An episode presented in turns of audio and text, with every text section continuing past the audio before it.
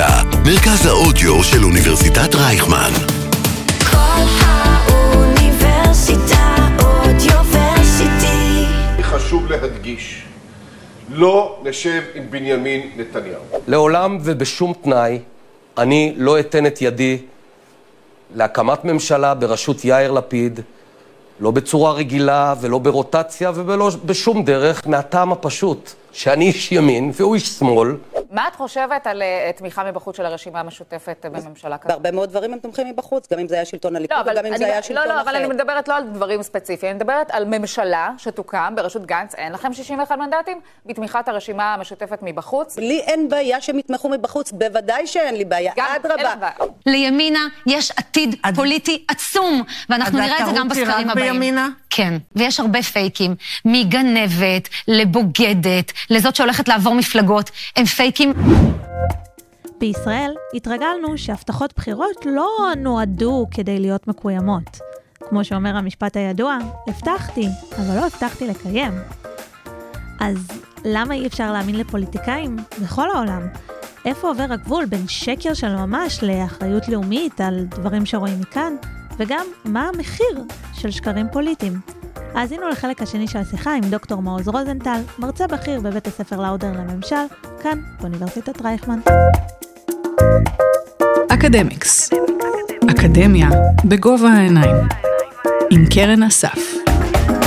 העלית את עידית סילמן ויש את חברת הכנסת זועבי מהצד השני ממרץ, אה, ואפשר גם לדבר על בנט, שבכלל יושב בממשלה עם אה, לפיד מראש, עם ראש ממשלה אה, חליפי. אנחנו בוחרים חברי כנסת, מפלגות, שאנחנו לא יכולים לסמוך על שום הבטחה שהם נותנים לנו.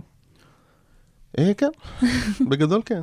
איך זה, איך, בממשל דמוקרטי אנחנו הולכים, משקיעים יום אה, שלם, מיליארדי שקלים מהקופה הציבורית כדי ללכת להצביע, למפלגות בלי, בלי, בלי מצעים לפעמים, ושכל מה ש... או לא כל, אבל הרבה ממה שהם אומרים אי אפשר לסמוך עליו. כן.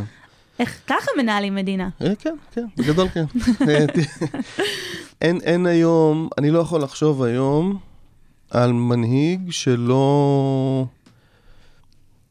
סטה במשהו מהבטחות הבחירות שלו. אני לא מדבר רק על ישראל, אני חושב בראש על בוריס ג'ונסון באנגליה, אה, ביידן בארצות הברית, אפילו טראמפ נאלץ, אה, נאלץ, הוא בטח שמח לעשות את זה.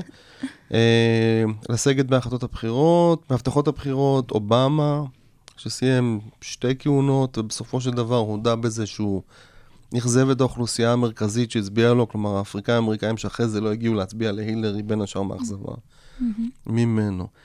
תראי, בעיקרון, אנחנו יודעים שיש משהו שנקרא מחיר השקר. אה, מושג שקיים בתורת המשחקים וגם משתמשים בו במנהל עסקים בכל מיני יישומים. הרעיון במחיר השקר הוא ש... אה, כשניגשים לבחירות, אז פעם אחת יש את הסוג של מצע, היום נגיד לליכוד אין מצע, לחרדיות אין מצע, לכל השאר יש דרך אגב.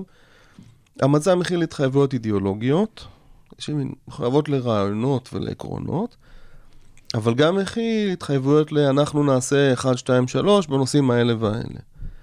עכשיו, הרבה מזה זה כן פנטזיות, זאת אומרת שהם, אה, כשהם כותבים את זה, הם יודעים שזה לא יקרה.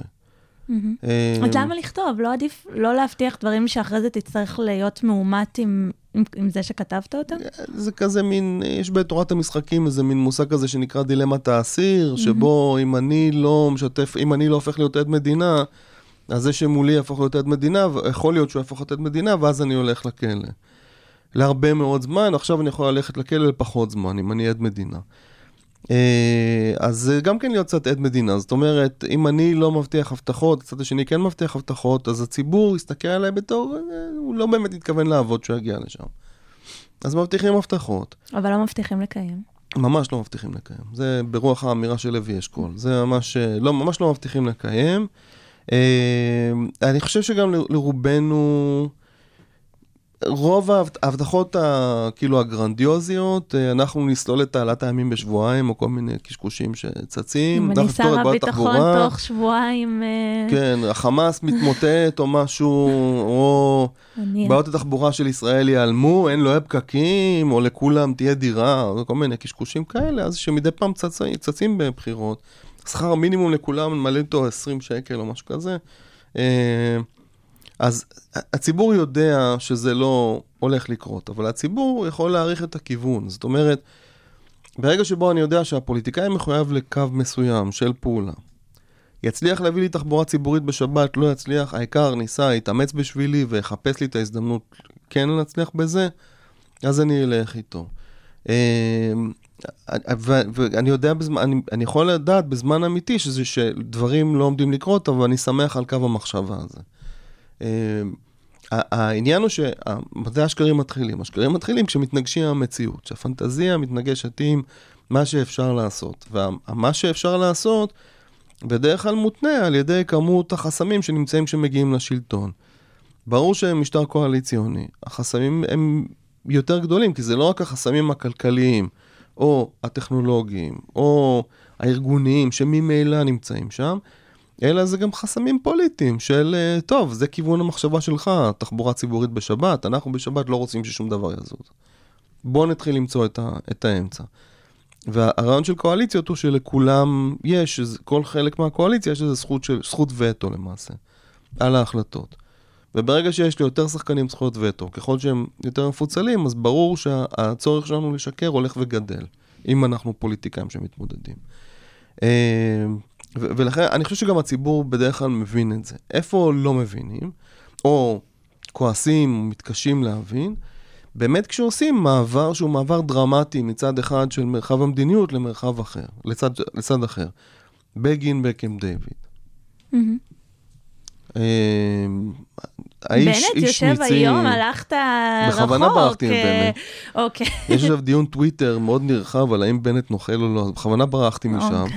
אז תכף תחזור אולי לבנט, כי לא תהיה ברירה כנראה, אבל אה, יש לי, כל, כל פעם יש איזה מישהו אחר שהוא על הכוונת, אבל אני, אני הולך על בגין, כאילו היום יש איזה מין רהביליטציה של בגין בתור המנהיג, הבן גוריוני כזה.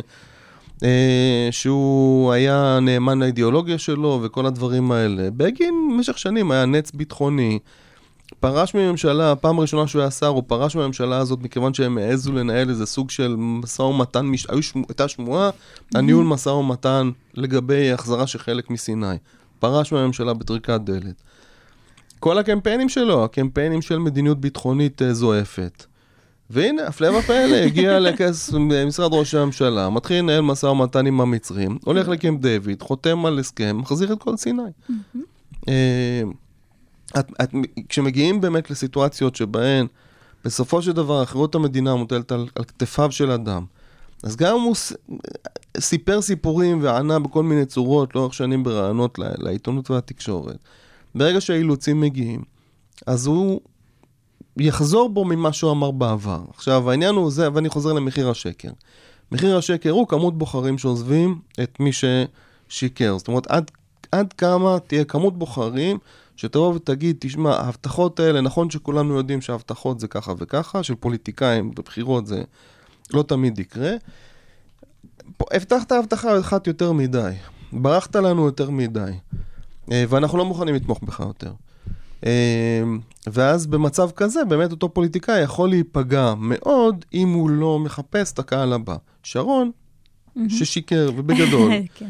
ב-2003, אמר שהוא לא יפנה את נצרים ופינה ובענק, שרון ידע שיש לו את הקהל הבא, יש את קהל של מצביעי מרכז-שמאל, שזה גם היה הקהל בסוף של קדימה שהוא הקים, שילך איתו עם הדבר הזה. העניין הזה של, אה, אה, של בנט, הבעיה איתו, זה שבאמת לא כך ברור זאת מי יבוא לשם. אה, כרגע מי שאנחנו רואים שזולגים פחות או יותר לבנט, זה אנשים שהצביעו קודם מרכז-שמאל, והם מעריכים את המהלך שהוא עשה. זאת אומרת שהם מכבדים את הדבר הזה שהוא עשה, את, ה, את התרומה שלו בתור מין שחקן וטו סופי, שבא והקים את ממשלת החילופים. הנוכחית, ושזה לא היה קורה בלעדיו. אה, גם, דרך אגב, דקה וחצי לפני כן... גנץ. בדיוק. Mm-hmm. גנץ שיקר גם שיקר. זאת אומרת, גנץ הלך למערכת בחירות כשהוא יודע, בעקבות מה שהיה להם כבר בספטמבר 2019, או שהוא סוגר עם הערבים, או שזאת ממשלת אחדות. והוא אומר שהוא לא עושה לא את זה ולא את זה במערכת הבחירות של, אה, של לקראת אה, 2020. בסופו של דבר, סוגר עם נתניהו. עכשיו, גנץ היה מאוד קרוב ללא לעבור. גנץ היה נראה, בדיעבד? לא, בשלב, בזמן אמיתי. אז כשהוא אוקיי. עשה את זה. אה, היה נראה שאף אחד לא תומך בו, היה נראה שכל מי שהיו מצביעי כחול לבן הלכו למקומות אחרים, כחול לבן שלו, כאילו של אוקיי. המחנה שלו. אה, היכולת שלו לחזור התבססה על זה שמתישהו נפל לו האסימון. זאת אומרת, האסימון היה פעם אחת, אני צריך למצוא קהל אחר, ב', אני יודע איפה הקהל הזה נמצא. זאת אומרת, ההתיישבות העובדת, אשכנזים ותיקים, אה, שמאוד העריכו דווקא את הצעד הזה שהוא עשה, ושהוא הלך ולמעשה פגע בעצמו פוליטית בשביל האינטרס הלאומי. אה, נסעתי על כתפיי. כן, כן, כזה, אנשים קנו את זה. וגם, בתוך זה הוא גם הבין שהוא צריך לריב עם נתניהו. ש... והוא עשה את זה, התחיל לעשות, מהרגע שבו באמת הסיפור של התקציב הלך והסתבך. אה, נכפה עליו לריב עם נתניהו, נתניהו, נכון. אה, כן. זה לא היה בחירה טבעית שלו, עובדתית בהתחלה, הוא היה בסדר, זאת אומרת, הוא לא, הוא היה, הוא קיבל כמעט כל מה שנתניהו אמר. איפשהו באזור התקציב, כשהוא מבין שהוא לא הולך להיות כן. ראש הממשלה. שבאוגוסט הוא כבר מבין שם שבלאגן מתחיל, ויש שם פשרת האוזר, אמנם מהצד שלו, אבל שהיא מסדרת לו קצת חמצן, אבל החמצן הזה לא ברור. אם הוא לא הופך לחנקן בדרך, מהאזור הזה מתחילה הלעומתיות. ומתחיל הסיפור שגם בסופו של דבר מוביל לזה שחברים בתוך הסיעה של גנץ מצביעים נגד התקציב, בסופו של דבר מפילים את העניין. אה, ומשם גם מאותו רגע, עד הבחירות, גנץ לא מפסיק לריב עם נתניהו. שכל מריבה זה עוד כמה קולות. זאת אומרת, אפשר היה לראות שהוא עשה שיעור מהיר, קורס מזורז, מבוא לפוליטיקה מעשית, של איך לעשות את זה. אבל גם צריך להגיד שיש שם, תראי, יש גם, לשקר יש גם מחיר פסיכולוגי, אני פחות מתעסק עם הנושאים של פסיכולוגיה, אבל כן אפשר לראות שלשקר יש מחיר פסיכולוגי. של אכזבה, תחושה של אכזבה, תחושה שנעשה כלפיי עוול, אה, תחושה של חוסר הוגנות. עכשיו, מצב כזה, אנחנו כן יודעים מניסויים, שברגע בו, שבו מישהו מרגיש שפעלו כלפיו בצורה לא הוגנת, אז הוא יעניש גם העונש לא רציונלי, גם אם העונש לא רציונלי. זאת אומרת, מצביעי בנט לצורך העניין. הצבענו לך, אמרת שלא תשב עם לפיד. היו שלוש, שלוש הבטחות בחירות. לא יהיו בחירות חמישיות, לא תשב תחת לפיד, ואז לקראת הסוף לא ישב עם לפיד. אם מדברים על גנץ, גם זה קצת אה, נכון. להבטיח משהו שברור שא' וב' לא, לא יושבים... לא מסתדרים אחד עם כן. השני. אבל איכשהו אנשים, נגיד, קנו את שלושת הדברים האלה, ומה שהיה חשוב להם זה שהוא לא יהיה עם לפיד. עכשיו, בבחירות הבאות הם עדיין לא אוהבים את נתניהו. הם עדיין לא רוצים לצאת מהבית בשביל להצביע בשבילו. אה, והם כבר לא רוצים להצביע לבנט. אז הרבה פעמים זה יכול להיות הצבעת עונש, זאת אומרת, להצביע לאיזה מפלגה סתמית. לגמלאים? וכן, את יודעת, הפיראטים. שם קוד פיראטים. אה, להצביע לאיזה מישהו שהוא, שהוא ירגיז את שאר המערכת, או פשוט לא להגיע להצביע. שזה, דרך אגב, בעיניי המחיר, הבעיה היותר גדולה, בשקרים מתמשכים ושחיקת לגיטימציה, בגלל הסיפור הזה של חוסר אמון בין הציבור לפוליטיקאים, זה בסוף לא להגיע להצביע. זאת אומרת שאנשים באים ואומרים, אוקיי, אני לא, אין לי שום יכולת להשפיע על מה שקורה פה, אני לא מבין מה הולך פה. נתתם לי יום שבתון? אוקיי, אני פשוט הולך לים או לקניון או משהו. לא נתתם לי יום שבתון, אני הולך לעבוד. אני לא, לא, לא מבזבז עליכם זמן ומשאבים. וזה הסיכון האמיתי, של שחיקת הלגיטימציה של דמוקרטיה ישראלית. אתה רואה את זה במחקרים שלך, שאכן יש אה, שחיקה של הלגיטימציה הזאת? כן, אה, זה מחקרים פחות שלי, אני יותר נעזר בזה במחקרים של המכון לדמוקרטיה ושל, יש איזשהו ארגון שהוא אה, עובד בכל העולם שנקרא The Varieties of Democracies, המגוון הדמוקרטי, שעושים מחקרים כאלה גם על בסיס מומחים וגם על בסיס דעת קהל, ואנחנו רואים איך הדמוקרטיה בישראל הולכת ונשחקת. היה צריך להגיד, עיקר השחיקה שאנחנו ראינו במדדים האלה הייתה בתקופה הזאת של uh, הקורונה וממשלת המעבר, שהייתה ממשלה שעשתה פה דברים בלי לקבל לגיטימציה מהעם, והיו דברים שהיו מאוד קריטיים שהם עשו. עם ממשלת האחדות שנוצרה של גנץ ונתניהו, דווקא אפשר היה לראות איך אנחנו עולים מחדש במדדים במידה מסוימת. ועדיין צריך להגיד, גם השחיקה הדמוקרטית שהייתה פה, היא לא הייתה כל כך גרועה כמו בשאר העולם, זאת אומרת, גם בפרופורציות בעניין הזה. וגם לגבי מדדים כאלה של אה, נגיד הנטייה להגיע להצביע, אנשים בסך הכל מגיעים להצביע. אנחנו כן נצטרך לראות מה יקרה בבחירות המתקרבות אלינו מתישהו, בשביל לראות עד כמה האפקט הזה היה באמת אה, חזק ועד כמה הוא באמת אה, משפיע על הדברים. אבל את יודעת, לגיטימציה את רואה בעלייה באלימות פוליטית. אה, את רואה. באיזה סוג של מרידה כוללת כזאת, אפילו באזור של, בעניין של המסכות והחיסונים, אפשר לראות איך המגזר החרדי והמגזר הערבי פשוט לא מקבלים את הסמכות של, ה... של השלטון, שזה שיא השיאים היה לשלוח לתוך בני ברק את אוגדה 98 בשביל לאכוף שם את הסגר, שזה דבר שהוא לא, לא נורמלי. אה, לשלוח, לשלוח צבא לתוך מרכזי אוכלוסייה זה דבר שהוא פשוט לא נורמלי, העניין הזה. אה, אבל ברגע שבו הלגיטימציה של השלטון מתפוררת, אין לך ברירה אלא לעשות את זה. מאי 2021. כן, שומר חומות. אה, עדיין, אה, רוב העסק בסופו של דבר נבלם על ידי משמר הגבול, שזאת העבודה שלו, כי זה כוח משטרתי ומשטרה אמורה להיות זאת שאוכפת את הסדר. אבל היינו מרחק של 20 סנטימטר, וזה עוד פעם דרך אגב, יאמר לזכותו של גנץ שבלם את זה, היינו מרחק של 20 סנטימטר מלשלוח צבא לתוך מרכזי ערים מעורבות, וזה ממש כאילו... אה, במונחים של אה, דמוקרטיה זה אפוקליפסה עכשיו, זאת אומרת שצבא צבא נכנס לתוך אה, מרכזי ערים, ולא איזה משמר לאומי, פיקוד העורף, או איזה משהו כזה, או משטרה פלוס. זה היינו, היינו ממש קרובים לזה, ויכול להיות שאנחנו נתקרב מחדש. עם, זה קצת סוטה מהמחקרים שלך, אבל אתה חושב שהאזרח הפשוט מבין את ההבדל בין משטרה לבין... אה, זאת אומרת, מגיע אדם שמפעיל כן. עליו כוח, אדם מטעם השלטון שמפעיל עליו כוח, אה, האזרח הפשוט רואה את ההבדל הזה? האזרח הפשוט לא יראה את ההבדל הזה עד שיתחילו לירות לו מעל הראש, כי חייל, חייל כן, זה מה שהוא עושה. אה, זה משהו ושוטר... מאומן לעשות. אה, בדיוק, חייל מאומן למצב מלחמה.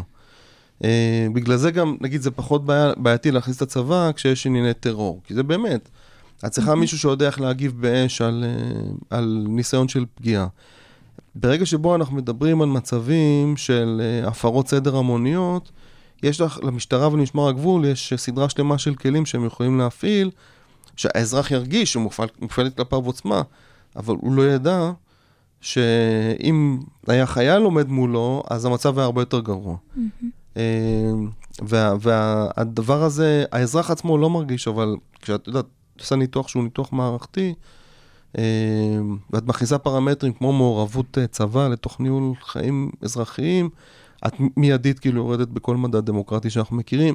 וגם ככה, צריך להגיד, בחברה הישראלית אנחנו לא כל כך שמים לב, אבל זה גם ככה שם. זאת אומרת, הצבא, כאילו צה"ל מאוד מעורב פה כמעט בהכל. דוגמה שאני נותן אותה באופן קבוע בשיעורים שלי, שהיא שיא האבסורד, בעיניי. הערכת, אה, הערכת המצב השנתית, שהיא הערכה מדינית אמורה להיות, שמי שאמור לתת אותה, בכל העולם מי שנותן אותה, גופים אזרחיים. שאמורה להיות להם, סגנון המועצה לביטחון לאומי, אמורה להיות להם פרספקטיבה אזרחית, כוללת, מדינית. מי שנותן אותה בישראל זה גוף של הצבא, זה אמן מחקר. כאילו חיילים באים ועובדים על משהו שיש לו בכלל משמעויות מדיניות ופוליטיות, ונותנים אותו ל- ל- להנהגה שאמורה לעשות עם זה משהו. אנחנו, אנחנו אפילו לא מסתכלים על זה בתור משהו לא נורמלי. זה נראה לנו לגמרי הגיוני שראש אגף המודיעין, שהוא חייל, כלומר אלוף בצה"ל, אבל חייל, בא ונותן לנו את הערכת, אה, אה, אה, כאילו, את הערכה לגבי הנושא של איומים והזדמנויות של מדיניות. כי הרי הוא לא נותן לנו, יש אה, כך וכך טנקים אצל אלה, ויש כך וכך מטוסים אצל אלה. הוא בא ואומר, הסיכויים לשלום הם כאלה וכאלה. אתה, הסיכויים לשלום, לא צה"ל אמור להתעסק עם העניין הזה, ובכל העולם הצבא לא מתעסק עם דברים כאלה. פה התרגלנו. הצבא מתעסק עם זה. חלוקת אה, הנושא של ערכות מגן שהייתה בזמנו. צה"ל לקח על עצמו את הפעילות הזאת, גם כן מול אזרחים. לא גוף אזרחי, בסוף הפכו את זה לגוף אזרחי. אבל לא גוף אזרחי, להציג צבא ההגנה לישראל, הלך וחילק ערכות ל- ל- אה, לאזרחים. המפקדת... צה"ל אה, מסתובב בבתי ספר, צה"ל נמצא לנו ברדיו, צה"ל... אה, כן, כן, נכון. אנחנו, הצה"ל מאוד מוטמע בחברה הישראלית, עדיין, כאילו, אני יכול להגן על הסיפור של צה"ל בתי ספר בתור הכנה לצה"ל, כי מה לעשות, זה באמת צבא, זה גיוס חובה, ואנחנו כן, צריכים אבל את זה. דיברתי על מורות חיילות. כן, למשל, נכון. אה, אז אלה באמת הרבה משימות שהן באמת אה, מוזר שצבא עושה אותן, ו- וצבא הופך להיות מאוד מעורב בביצוע שלהם, ואז אנחנו נכ- נכנסים לאיזושהי סיטואציה שבה כמעט כל, כל, כמעט כל משימה לאומית, שהמגזר הציבורי הרגיל מתקשה לעשות אותה, מפקדת אלון, איך קראו למפקדה הזאת עם ה... אה, התחקור של החיסונים, התחקורים של ההדבקות. אה, מה פתאום שהצבא יעשה משהו כזה? איפה משרד הבריאות? אז מתקשים לגייס עוד אה, אנשים מתוך האזרחות, אז יאללה, אוקיי, בואו צה"ל, בואו תעשו את זה. זה, זה כאילו, זה מצב שהוא לא, לא הגיוני, אבל זה מה שקורה פה. יש, אה, אתם רואים במחקרים, באקדמיה, אה, פתרון? שמתקדמים לכיוונו? אה, לא, זה בעניין הזה לא. בעניין הזה, מי שמתעסק עם הדברים האלה רק מראה לנו איך, איך צה"ל יותר מוטמע בפעילות אה, אזרחית, וגם יותר מזה, כשמנסים להזיז את צה"ל הצידה מכל מיני מקומות כאלה, התגובה של צה"ל זה מיד אה, סדרת איומים מפחידה, שאף פוליטיקאי לא רוצה להתעסק איתה, אז כאילו, זה לא, זה לא הולך כנראה לשום מקום, העניין הזה. אז גם את הנושא הזה אנחנו מסיימים בחוסר אופטימיות. כן, שיחה מדכאת. לא, אני אגיד לך איפה האופטימיות. האופטימיות שאני מקבל, דווקא כי אני מתעסק עם נושאים שאני לא... דווקא מתוך הכישלון המתמיד שלא אצליח להעביר שום דבר מה שאני מדבר עליו, כמעט שום דבר. אה, האופטימיות היא מזה שאני כל הזמן, לאורך, אני מתעסק עם הנושא הזה משהו כמו 15 שנה. אה, האופטימיות היא שאני כל הזמן נתקל בישראלים שוחרי טוב. שרוצים שבאמת, מכל הצדדים, דרך אגב, מכל המחנות, שרוצים שהדבר הזה ישתנה. ושהם מוכנים להקדיש מהזמן שלהם והמרץ שלהם, אם במכוני מחקר, ואם בתרומות, ואם ב... לשבת בישיבות על כל הדברים האלה על חשבונם הפרטי ולהגיע מכל מקום, שלהיכנס לנושא הזה, ואנשים שולחים לי מיילים ועם הצעות, אנשים מוחם קודח בשביל לנסות ולפתור את הבעיות האלה. אז אני, אני רואה בזה דווקא את אחת מנקודות החוזק של החברה הזאת, שכנראה מצליחה, שכנראה זה, זה אחד מהבסיסים להצליח אה, להמשיך ולקדם פה דברים די גדולים שקורים כאן, למרות שיטת הממשל הקלוקלת הזאת. דוקטור מעוז רוזנטל, תודה רבה לך. תודה שהזמנתם אותי.